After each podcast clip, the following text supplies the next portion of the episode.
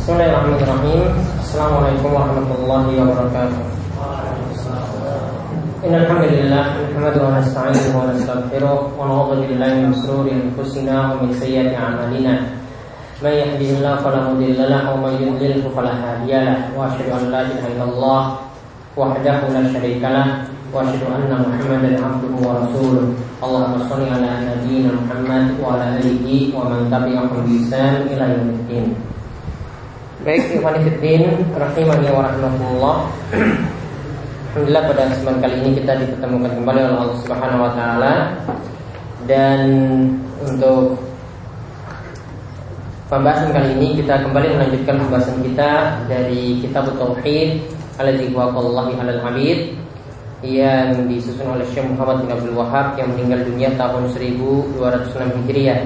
Kita masuk pada bab yang baru Ya, insya Allah dua bab nanti akan kita bahas pada pertemuan kali ini.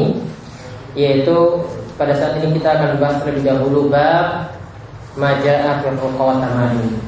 Yaitu bab Yaitu tentang masalah ruqyah Dan at-tamaim, tamimah.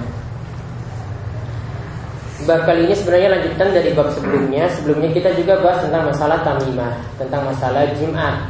Ya, tentang masalah jimat-jimat tapi sini beliau sendirikan ya beliau buat bab tambahan lagi ya karena bahasan selanjutnya ini masih ada kelanjutan dengan tamimah karena tamimah tamimah itu ada yang memakai suatu benda dan juga ada yang memakai tulisan-tulisan Arab atau memakai tulisan dari Al-Qur'an.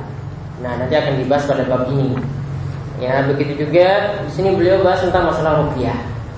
Dan di sini tidak ditegaskan dengan kalimat minasyirki. Padahal bab sebelumnya beliau katakan minasyirki lusul halqati wal khayti wa nahwihima li rabbil bala'i wal audafihi. Termasuk syirik. Ya, sedangkan pada bab ini beliau tidak katakan termasuk syirik tidak. Ya, beliau tidak katakan ya dengan menyebutkan terlebih dahulu termasuk syirik karena yang nanti beliau sebutkan tentang masalah ruqyah ya ruqyah itu nanti ada berbagai macam hukumnya. Nanti akan kita lihat. Nah, begitu juga tamimah di sini ya memakai jimat nanti ada yang berupa benda, ada yang berupa ayat Al-Qur'an. Ayat Al-Qur'an di sini juga tidak termasuk syirik. Sehingga beliau memulai judul bab tanpa menyebutkan minasyirki. Baik kita lihat dalil satu persatu tentang masalah ini. Terlebih dahulu kita lihat hadis dari Abu Bashir Al Ansori tentang masalah tamimah tentang masalah jimat. Yaitu hadisnya dari disebutkan dalam kitab Sahih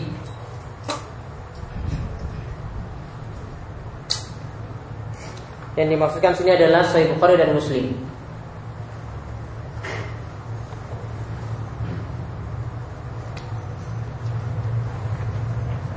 Yaitu dalam kitab sahih dari Abu Bashir Al-Ansari Anhukan bahwasanya beliau yaitu Abu Bashir ma'an Nabi sallallahu alaihi wasallam pernah bersama Nabi sallallahu alaihi wasallam. Fi ba'di asfarihi dalam sebagian safar yang dilakukan oleh baginda Nabi sallallahu alaihi wasallam.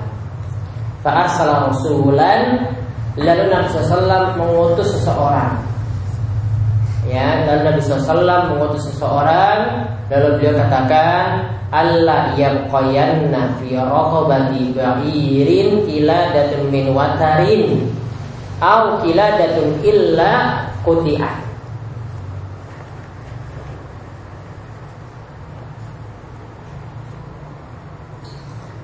Yaitu janganlah biarkan Fi di leher ba'ir dari hewan ternak.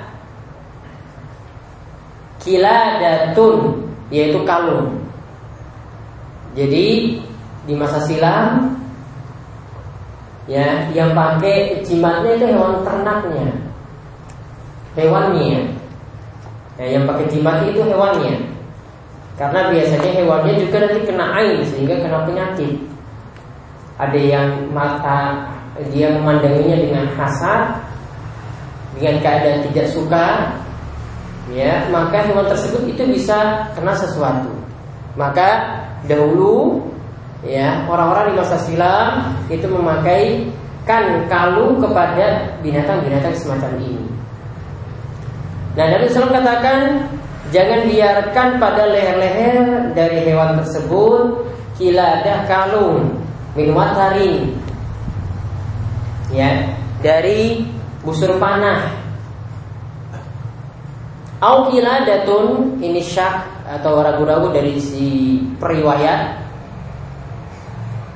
Atau kalung tanpa sebutkan watarin. Illa kutiat kecuali kalung tersebut dipotong Ya, Nabi SAW perintahkan untuk potong kalung-kalung seperti itu.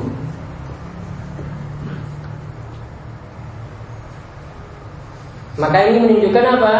Haramnya menggantungkan jimat. Haramnya menggantungkan jimat karena diperintahkan untuk apa? Kutiat dipotong. Jangan dibiarkan.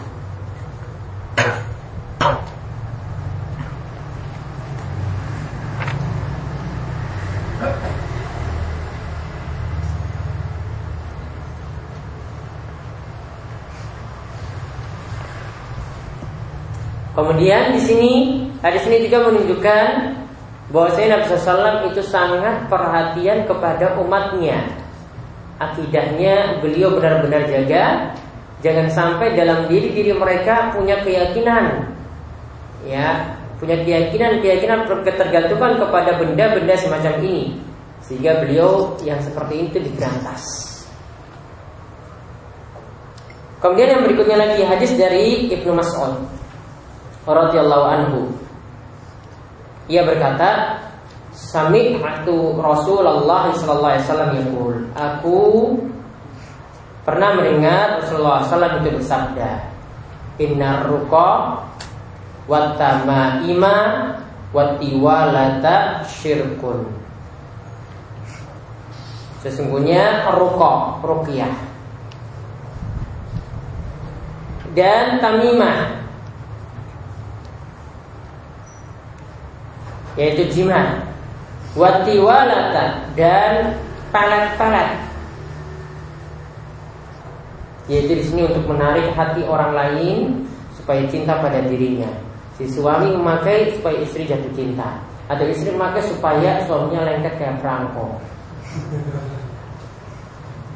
Nanti ada penjelasannya tentang tiga hal ini di bawah. Ya, tentang jualan nanti akan dijelaskan di bawah.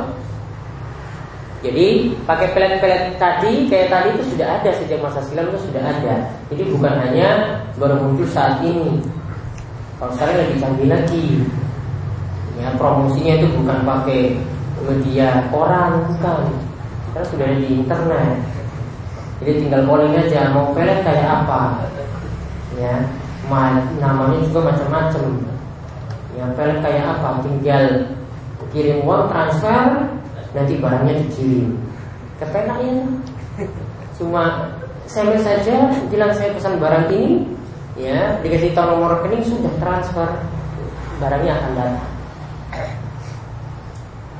Nah di sini di sini Rawahu Ahmad wa Abu Dawud ya direkan oleh Imam Ahmad dan Abu Dawud.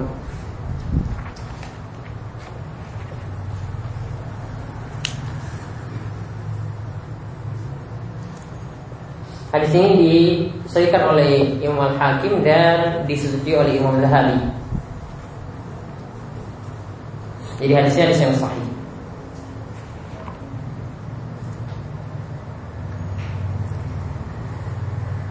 Nah kita lihat hadis berikutnya lagi Baru nanti nyambung definisi Tamaim, Rufa, dan Taksiwala Lihat hadis berikutnya An Abdullah bin Hukaim Dari Abdullah bin Hukaim Marfu'an.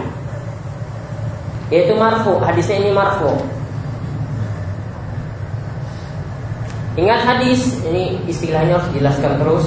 Ya, hadis itu berdasarkan sampainya kepada siapa itu dibagi menjadi tiga. Hadis berdasarkan sampainya kepada siapa itu dibagi menjadi tiga. Yang sampai kepada Nabi Sallallahu Alaihi Wasallam disebut hadis marfu.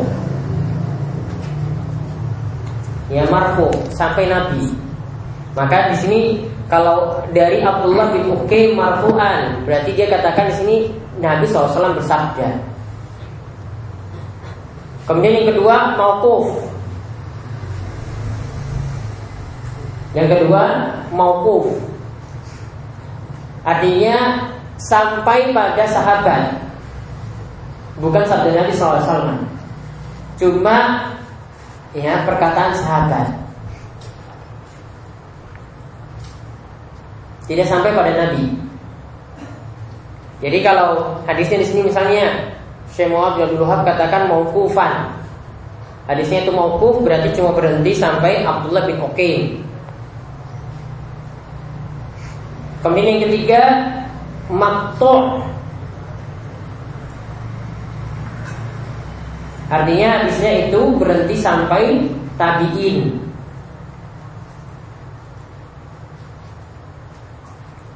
Artinya hadisnya itu berhenti sampai tabiin. Nah istilah-istilah ini perlu dikuasai ya. Jadi kosakata-kosakata ini bisa dikuasai dalam ilmu soal hadis.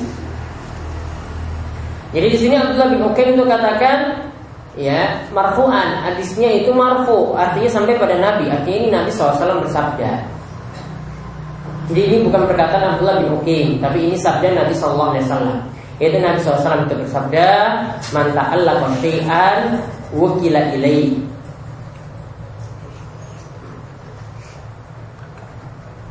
Yaitu siapa yang menggantungkan sesuatu atau menggantungkan diri kepada sesuatu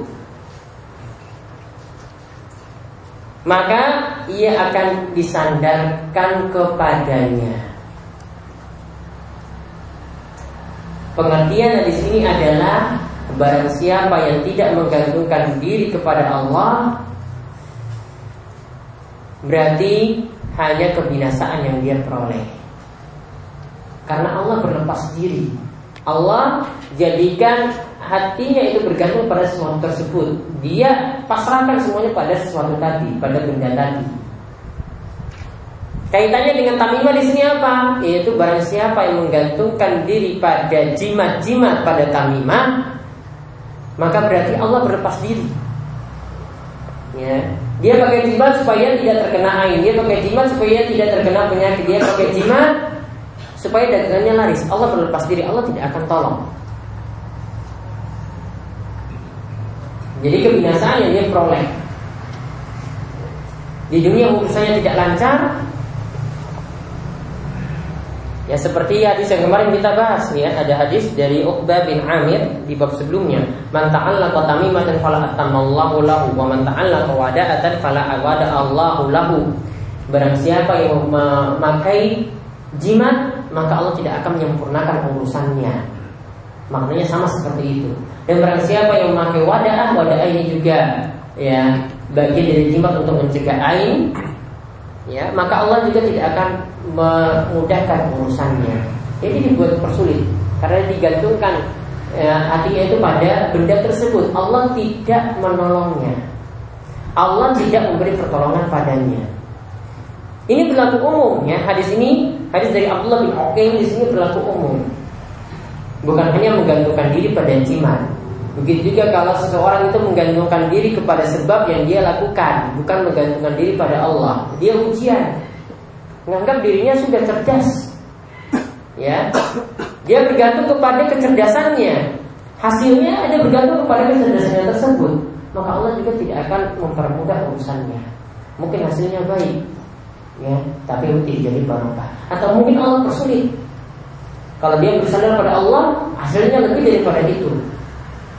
Ya, jadi gantungkan sesuatu pada Allah, bukan pada usaha yang kita lakukan. Jadi hadis dari Abdullah bin Hukaim ini lebih umum. Nah kita lihat kembali ke hadis Abdullah bin Mas'ud tadi. Itu ada tiga istilah di sini, tamaim, rokok, ya, dan tiwala. Di sini dijelaskan oleh Syekh di bawah.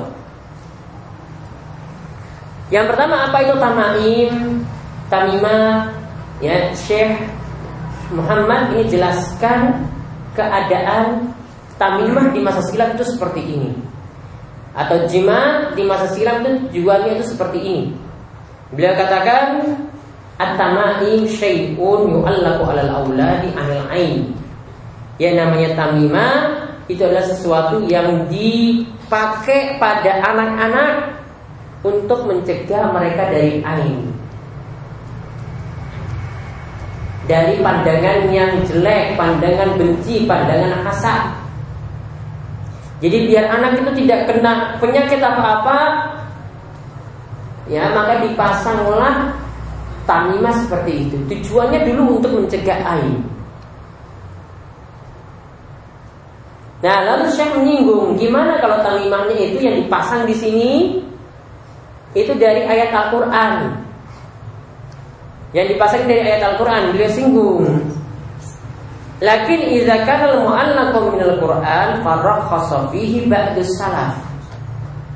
Akan tapi jika yang di gantungkan, dikalungkan itu dari Al-Quran Beberapa ayat digantungkan Atau mungkin ada mushaf kecil digantungkan Maka di sini kata beliau Ini Sebagian ulama memberi keringanan seperti itu Artinya apa di sini ada khilaf Ada perselisihan pendapat Wa ba'duhum lam yurahis fi. Sedangkan yang lain itu tidak memberikan keringanan untuk tamimah untuk jimat dari Al-Qur'an seperti itu. Wa yaj'aluhu minal manhi anhu minum Ibnu Mas'ud. Dan yang mengatakan terlarang itu adalah Ibnu Mas'ud. Ya, jadi Ibnu Mas'ud itu melarang jimat dari Al-Qur'an. Nah, kalau tamimahnya itu seperti ini bukan hanya digantung di leher, ya, jemaah sekali ini bukan hanya digantung di leher. Para ulama dari sini juga e, memasukkan ayat-ayat yang digantung di dinding. Memasukkan ayat-ayat yang digantung di dinding. termasuk dalam bahasan ini. Kalau melihat dari pendapat sebagian ulama seperti itu masih boleh gantung ayat kursi di dinding atau ya ayat-ayat itu di mobil di bagian depan itu masih boleh. Namun kalau Ibnu Mas'ud melarangnya. Pendapat yang lebih rajin, pendapat yang lebih kuat adalah pendapat Ibnu Mas'ud. Alasannya ada beberapa alasan. Yang pertama, kenapa terlarang jimat dari ayat-ayat Al-Quran? Yang pertama, supaya Al-Quran tidak jadi barang yang diremehkan. supaya Al-Quran itu tidak jadi barang yang diremehkan. Kalau misalnya Al-Quran itu digantung seperti tadi pakai kalung, isinya mungkin ayat kursi yang tulisannya kecil-kecil sekali. Ya, karena seorang makanya mungkin sampai kamar mandi. Ya, ini meremehkan ayat tersebut. Karena tidak boleh memasukkan ayat Allah dalam tempat-tempat semacam itu. Atau boleh jadi nanti diduduki, boleh jadi nanti dibuang begitu saja.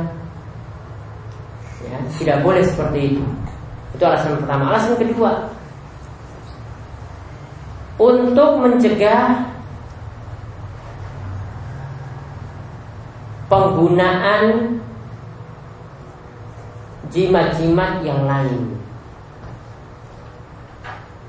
untuk mencegah penggunaan jimat-jimat yang lain. Karena kalau jimat ini seandainya dibolehkan, ya nanti beralasan. Wah ini pakai batu akik seperti ini kata Pak Kiaiku, ya ini ampuh. Ya penyakitku ini nanti bisa hilang ini gara-gara pakai ini. Wong yang pakai ayat saja boleh, maka nanti dia punya anggapan juga ke benda-benda seperti ini nanti boleh-boleh saja. Nah, dengan dua alasan tadi, itulah yang menguatkan pendapat Ibnu Mas'ud dan ulama yang semisal dengan beliau. Nanti akan disebutkan nanti ada perkataan dari ulama yang lain nanti di akhir-akhir bab ini. Kemudian ruqa, ruqa itu apa? Ruqa atau ruqyah? Dia latih sama azai disebut dengan azaim dahulu ya ini disebut azaim artinya mantra-mantra. Ini sesuatu yang dibaca dibaca ya yang kita kenal dengan mantra-mantra tertentu. Biasa dipakai oleh tukang sihir. Nah, namun kalau yang dimasukkan dengan rukiah di sini dibolehkan. Di sini dikatakan wa khassa minhu dalil ma khala minasyirk. Dikhususkan dengan dalil ruqyah yang bersih dari syirik. Ya, yang bersih dari syirik. Kemudian dikatakan lagi faqadara khassa fihi Rasulullah SAW minal aini wal humati. Dan Rasulullah SAW telah memberikan keringanan rukiah untuk ain dan huma. Ya, untuk ketika seorang terkena ain penyakit mata hasad tadi dan untuk huma terkena sengatan binatang seperti kalajengking. Rasulullah SAW beri keringanan. Apa dalilnya beri keringanan? Kemarin hadis yang sudah kita bahas Tentang hadis apa? Ya, yang memberi keringanan tentang rukiah, meminta rukiah Disebut tadi siapa? 70 ribu orang yang masuk surga tanpa hisab dan tanpa azab. Itu ada perkataan dari Husain bin Abdul Rahman dia membawakan dalil bahwasanya dia itu beralasan meminta rukiah itu ya karena dia terkena humah saat itu terkena sengatan binatang saat itu berdalil ya dengan hadis la ruqyata illa min ainin aw hummatin yaitu dengan hadis dari Buraidah bin Al-Husayn yaitu tidak ada ruqyah yang lebih ampuh kecuali pada ain daripada humah yaitu sengatan binatang mana sudah kita bahas Intinya sini rukyah hukumnya bagaimana? Syekh Sulaiman At-Tamimi katakan ruqyah hukumnya ada tiga.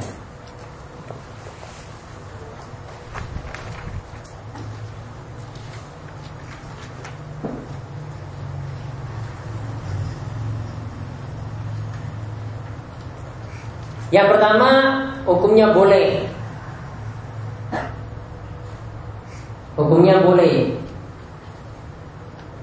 Imam Suyuti katakan asalkan memenuhi tiga syarat.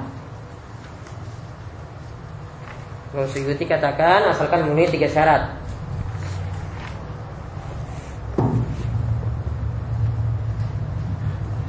Jadi Imam Suyuti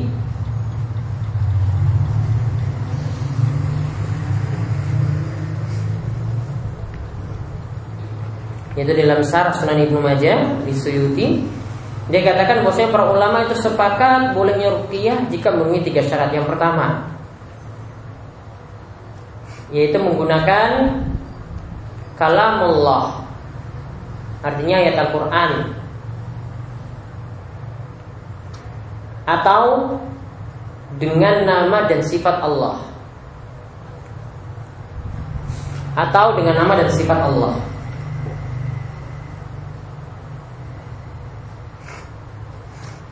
Kemudian yang kedua menggunakan bahasa Arab atau bahasa yang dipahami maknanya. menggunakan bahasa Arab atau bahasa yang dipahami maknanya. Artinya boleh dengan selain bahasa Arab asalkan paham yang dibaca. Jangan sampai-sampai keluar ya kalimat-kalimat perlindungan kepada jin. Enggak diketahui ini padahal ini kalau dukun ya tukang sihir ya biasa pakai kalimat itu.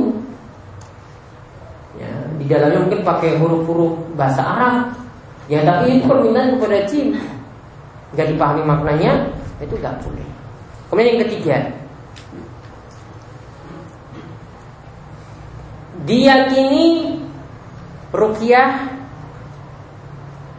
bisa berpengaruh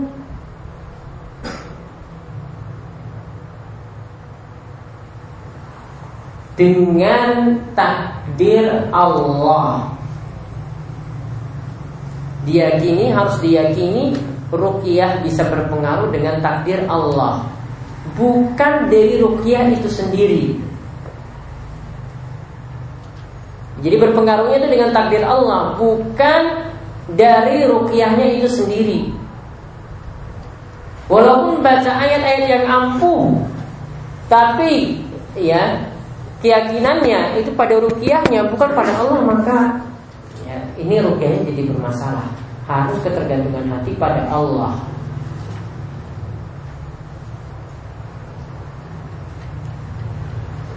Nah jadi kalau dipenuhi tiga syarat tadi itu dibolehkan. Kemudian yang kedua, hukum rukyah yang kedua tidak dibolehkan.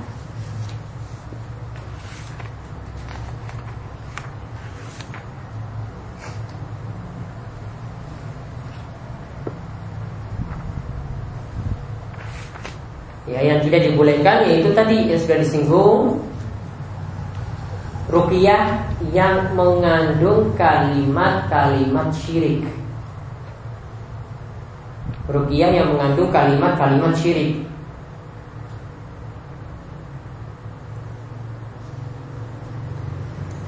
Jadi dalamnya misalnya ada isti'anah Meminta pertolongan kepada selain Allah Ada kalimat-kalimat semacam itu Maka rupiah ini bermasalah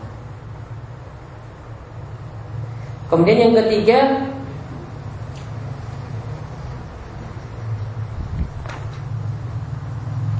Ini kata Syekh Muhammad At-Tamimi uh, Syekh Sulaiman At-Tamimi bila katakan yang ketiga yaitu rukiah yang masih diperselisihkan hukumnya.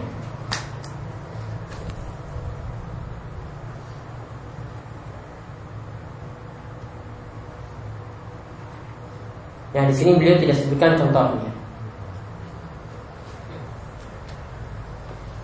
Jadi ada mungkin kalau ditelusuri ini bisa jadi syirik, bisa jadi tidak, bisa jadi haram, bisa jadi tidak.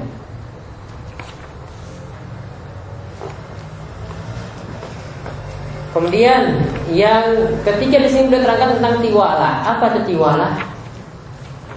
Bila katakan tiwala itu adalah syai'un yasna'unahu yas'umuna annahu yuhabbibul mar'ata ila zawjiha wa rajula ila imra'atihi. Itu tiwala atau pelet itu adalah sesuatu yang orang-orang itu buat dan mengklaim bisa membuat cinta seorang wanita pada suaminya atau membuat cinta suami pada istrinya.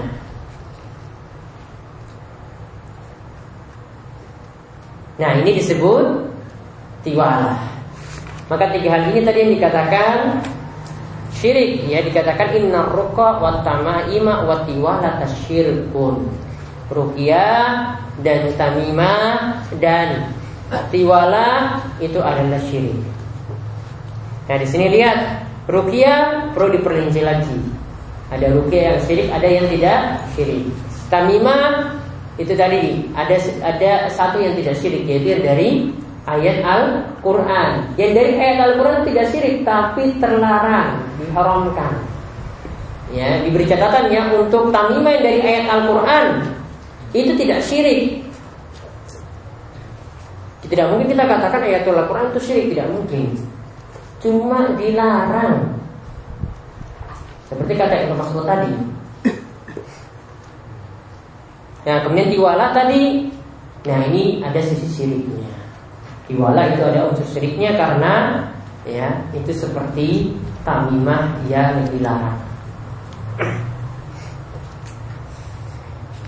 Nah, kemudian beliau sebutkan lagi tentang masalah tamimah di sini ada riwayat lagi yang lainnya dari Imam Ahmad. An Urwaifiyah dari Urwaifiyah.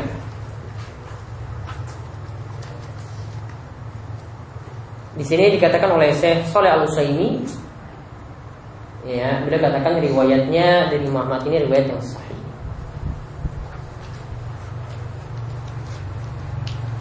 Kalau dia mau mengikuti ya kajian dari Sesoleh Al ini itu kajiannya bisa online. Uh, sekarang ada daurah di kota Madinah. Ini kayaknya sudah mulai sekarang. Itu bisa dapat sanad secara online dari kitab-kitab beliau yang seperti yang kita kaji saat ini. Ini sekarang lagi musim liburan di Saudi.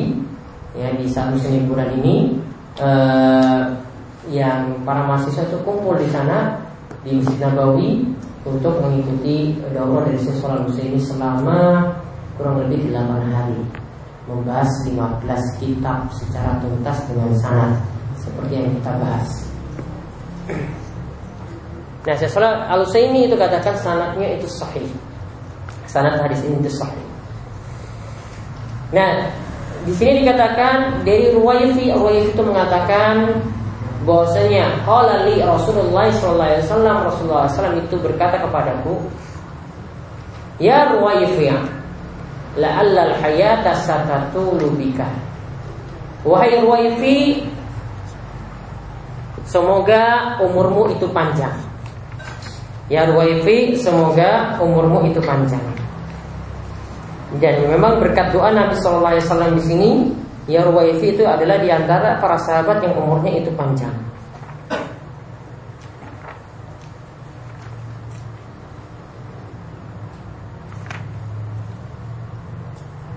Dan ini menunjukkan tanda kenabian Nabi SAW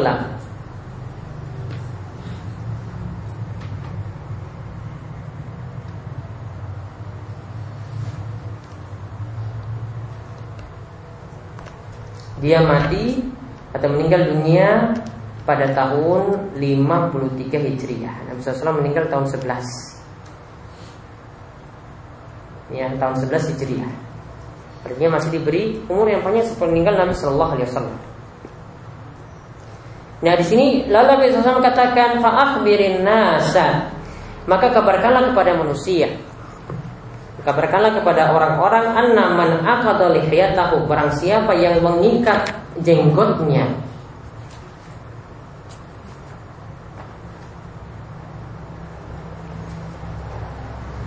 Au taqallada wataran atau mengalungkan busur panah di lehernya.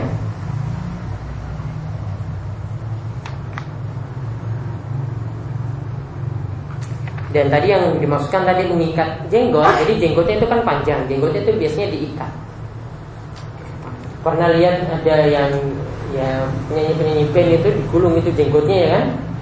Nah, kayak seperti itu. Nah ini dilakukan di masa silam itu saat perang. Atau ada yang melakukannya dalam rangka sombong. Ya dalam rangka sombong. Jadi takabur au wa ujban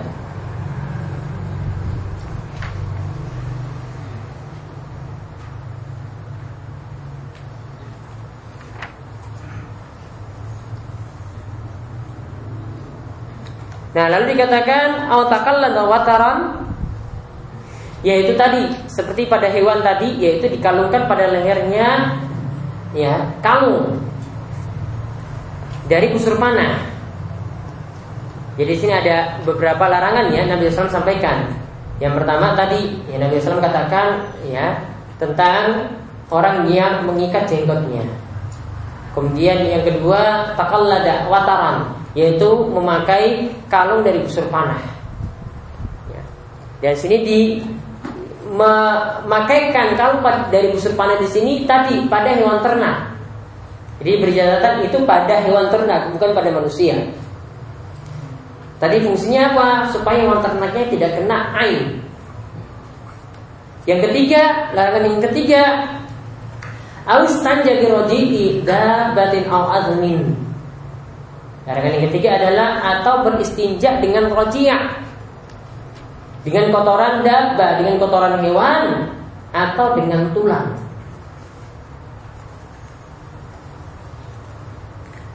Kemudian Nabi SAW katakan, fa inna Muhammadan bari minhu. Maka Nabi SAW, yaitu Nabi Muhammad, itu berlepas diri dari perbuatan-perbuatan semacam itu. Maka menunjukkan kalau Nabi SAW berlepas diri, menunjukkan tiga perbuatan tadi itu diharamkan maka nggak boleh mengikat jenggotnya tadi dengan tujuan tadi dalam rangka sombong, takabur. Yang kedua tidak boleh beristinja dengan kotor, ya tidak boleh uh, mengalungkan pada leher hewan dengan busur panah, memakaikan jimat pada hewan. Yang ketiga tidak boleh beristinja dengan kotoran binatang atau dengan tulang. Tidak boleh cebok dengan benda dua benda tersebut.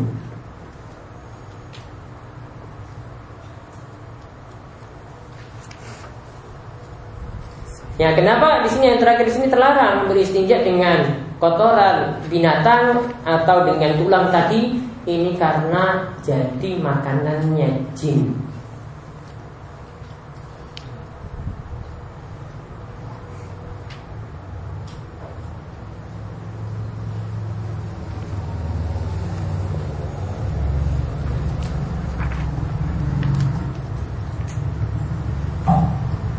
Nah, dalilnya di sini yang jadi pendalilan kita adalah tadi menggantungkan takalla dawataran, yaitu menggantungkan jimat yang menggantungkan tamimah pada hewan supaya dia tidak terkena air.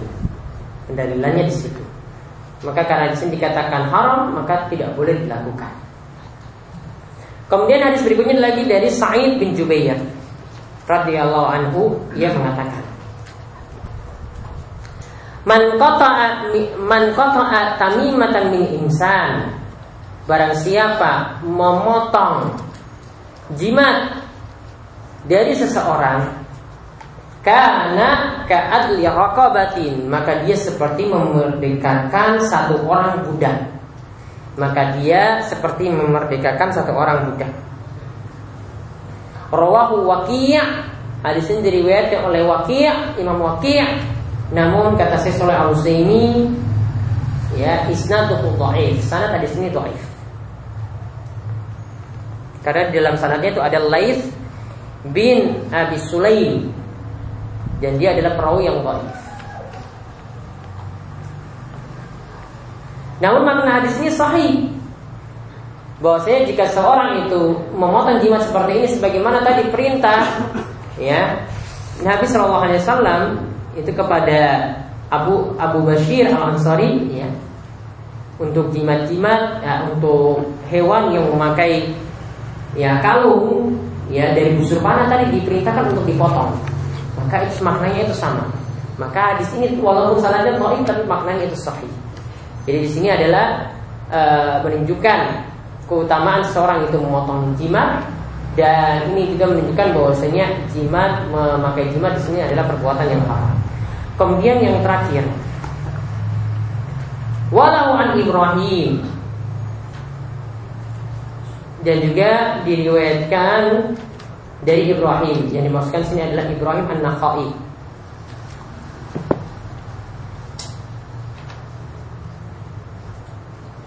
Dia adalah imam besar di Kufah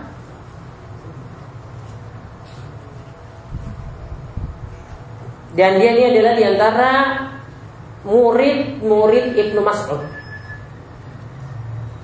Dia di antara murid-murid Ibnu Mas'ud. Tadi Ibnu Mas'ud berpendapat apa tentang tamimah dari Al-Quran? Enggak boleh. Maka di sini Syekh Muhammad ini membawakan perkataan Ibrahim An-Nakhai, murid Ibnu Mas'ud. Dia mengatakan kanu Yaitu dimasukkan dengan kanu di sini adalah para sahabat Nabi, ya para murid Ibnu Mas'ud. Bukan para sahabat Nabi, para murid Ibnu Mas'ud. Yaitu murid-murid Ibnu Mas'ud ya qurahuna tama'in kullaha. Mereka memakruhkan memakai jimat seluruhnya apa pun bentuknya dari Al-Qur'an ataupun bukan Al-Qur'an. Yaitu minal Qur'ani au wa ghairil Qur'an yaitu jimat tamimah dari Al-Quran atau selain Al-Quran semuanya tidak dibolehkan dan ingat ya diberi catatan ya krohun di sini bukan makruh secara hukum fikih. Namun kalau makruh menurut ulama salaf ya menurut para sahabat dahulu kalau dikatakan ya krohun itu maksudnya adalah tahrim haram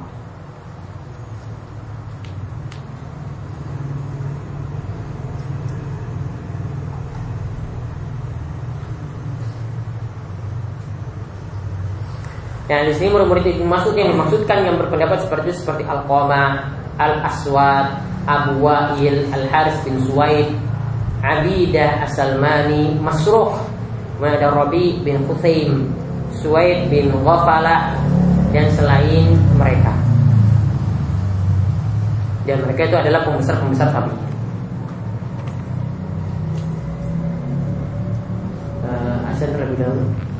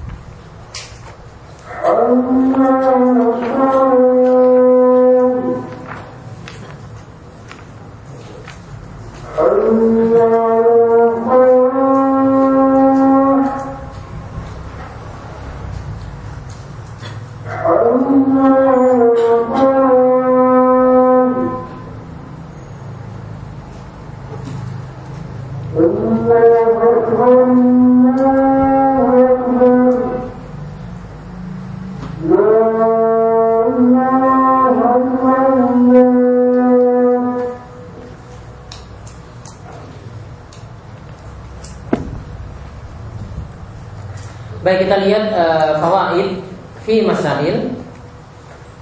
Faedah yang pertama tafsir ruqa wa tafsir tamani yaitu penjelasan tentang tafsiran ruqyah dan tafsiran tamimah. Tadi sudah dijelaskan oleh Syekh. Kemudian asalnya yang kedua tafsir tiwalah.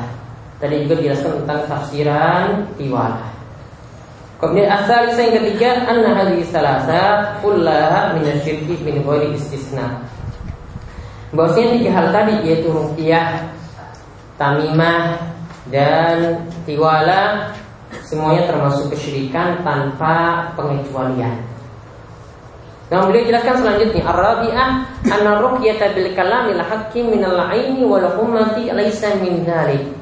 Ruqyah dengan kalimat-kalimat yang benar untuk mengatasi ain atau sengatan binatang maka tidak termasuk demikian itu tidak termasuk syirik Jadi tadi asalkan memenuhi syarat-syarat yang tiga tadi seperti kata Imam Suyuti, maka tidak termasuk syirik. Kemudian yang kelima, anak tamimata idza kanat minal Qur'ani faqad ikhtalafa ulama hal hiya min zalika. Jika tamimah itu dari Al-Qur'an, jimatnya itu dari Al-Quran Gantung ayat yang di mobil atau di dinding Maka kata beliau para ulama berselisih pendapat Apakah termasuk sirik atau tidak Kemudian apakah termasuk terlarang atau tidak? Ya, kemudian yang keenam, anna ta'likal auta alat dawa min minal ain min zalik. Yaitu menggantungkan busur panah pada hewan ternak untuk mencegah ain ini termasuk kesyirikan, termasuk tamimah yang terlarang. Kemudian yang ketujuh, Al-wa'idus syadid fi man ta'allaka wataran Yaitu ancaman keras bagi orang yang memakai yang memakaikan atau menggantungkan busur panah pada hewan ternak karena dikatakan dalam hadis tadi yaitu dalam hadis Ruwaifi tadi ya fa'ina Muhammad dan bari minhu. Nabi Muhammad itu berlepas diri dari orang yang beramal seperti itu. Kemudian yang ke delapan Fadlus sawabi man qata'a min insan. Yaitu keutamaan orang ya keutamaan pahala bagi orang yang memutus tamimah jimat-jimat dari seseorang. Karena suatu kemungkaran berarti kalau putusin orang juga pacaran berarti ke sini juga pahala juga. Ini maksiat itu. Atasiah yang ke sembilan. Anak kalama Ibrahim la yukhalifu ma taqaddam minal ikhtilaf. Perkataan Ibrahim. Tadi Ibrahim siapa? An-Nakhai. Ibrahim An-Nakhai ya perkataannya itu tidak menyelisih perselisihan yang tadi sudah disebutkan. Karena li'anna muradahu ashabu Abdullah bin Mas'ud. Karena yang dimaksudkan oleh Ibrahim An-Nakhai itu adalah Itu pendapat dari murid-murid Ibnu Mas'ud. Jadi bukan menunjukkan kesepakatan para ulama. Jadi apa yang dikatakan oleh Ibrahim An-Nakhai ya Tetap masih menunjukkan bahwasanya ada perselisihan dalam masalah itu. Namun tadi sudah jelaskan pendapat yang dibuat adalah Kita menjauhi jimat atau tamimah yang berasal dari Al-Quran. Selanjutnya setelah sholat kita lanjutkan satu bab lagi yaitu tentang masalah ngalak berkah. Ya sallallahu alaihi wa sallam. Alhamdulillah